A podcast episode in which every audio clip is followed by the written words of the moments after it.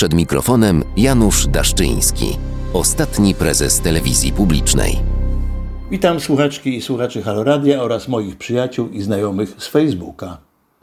Nie dalej jak tydzień temu wspomniałem Wam o liście Witolda Kołodziejskiego, przewodniczącego Krajowej Rady Radiofonii i Telewizji, do marszałka Ryszarda Terleckiego, w którym Kołodziejski proponuje, by polski parlament wprowadził w miejsce koncesji zezwolenia na nadawanie satelitarne.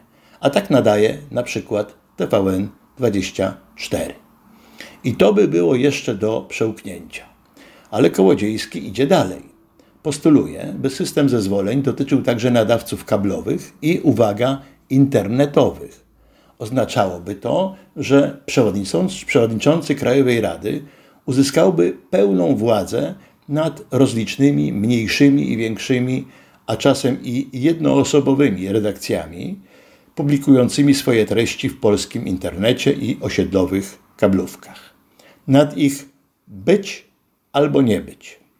To nic innego jak postulat wprowadzenia cenzury w internecie. W tym kontekście silnie brzmi głos Kuby Wątłego, szefa Haloradia, który na swojej antenie w blisko 10-minutowej analizie skutków wprowadzenia w życie propozycji Kołodziejskiego ostrzega przed tą iście kagańcową ustawą, która zabiłaby wolne media, czyli autentyczny, niesterowany przez nikogo głos społeczeństwa obywatelskiego. Owe niemal 10 minut jest od ponad tygodnia często powtarzane na antenie Haloradia i bardzo zachęcam do wysłuchania. Równie gorąco zachęcam do wysłuchania i obejrzenia rozmowy z Kubą Wątłym na antenie internetowej Sumy Karysia. Zanim jednak kilka słów o wspomnianym programie, który ukazuje się od maja, co tydzień, w niedzielę o godzinie 13, może najpierw dwa słowa o Jakubie Karysiu. Kuba Karyś to polski publicysta, producent i reżyser telewizyjny, filmowiec, działacz społeczny oraz, co nie bez znaczenia, od listopada 2019 roku przewodniczący ogólnopolskich struktur Komitetu Obrony Demokracji. W latach 1997-2013 był związany z TVN jako scenarzysta, reżyser i producent telewizyjny.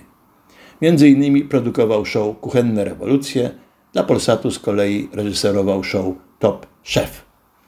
Ponieważ Kubę znam ze wspólnego członkostwa w Towarzystwie Dziennikarskim, zapytałem go o jego program Sumę Karysia. Suma jest bieżączką. Najczęściej mówimy o jednym bieżącym temacie i na ten temat zapraszani są goście, choć czasami komentujemy całe multum wydarzeń, mówi Karyś. I dodaje: Staram się, żeby byli to kompetentni komentatorzy, a nie weekendowi znawcy. W sumie nikt nikomu raczej nie przerywa, nikt się z nikim nie kłóci, choć zderzają się różne poglądy i osobowości. To zasada jest jedna.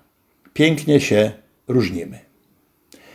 Prawie zawsze jest Kinga Łozińska, wiceprzewodnicząca Komitetu Obrony Demokracji, bo kot jest w sumie bardzo ważny. Tyle Kuba Karyś. Dodam od siebie, że wydanie z 11 lipca, między innymi z moim udziałem, obejrzało 17 tysięcy internautów. Nieźle, nieprawdaż?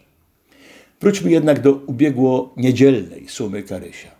Jak już wspomniałem, gościem Kuby Karysia i Kingi Łozińskiej był Kuba Wątły.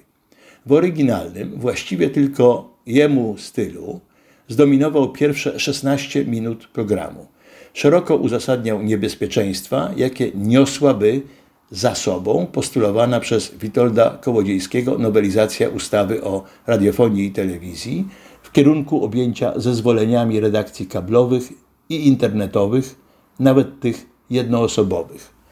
Mówiąc wprost, także każdy z internautów, który ma na swoim biurku komputer i mniej lub bardziej, mniej lub bardziej regularnie publikuje w internecie wytworzone przez siebie audycje, musiałby uzyskać zezwolenie przewodniczącego Krajowej Rady Radiofonii i Telewizji. Czarnowictwo? Jeśli nie dajecie wiary, że taka ewentualność jest na stole, posłuchajcie Kuby Wątłego na antenie jego Haloradia i w sumie Karysia z ubiegłej niedzieli. Łatwo znajdziecie te pozycje w internecie. Jeszcze. Do usłyszenia za tydzień. Wspieraj niezależne Halo Radio, które mówi wszystko. www.halo.radio ukośnik SOS. Dziękujemy.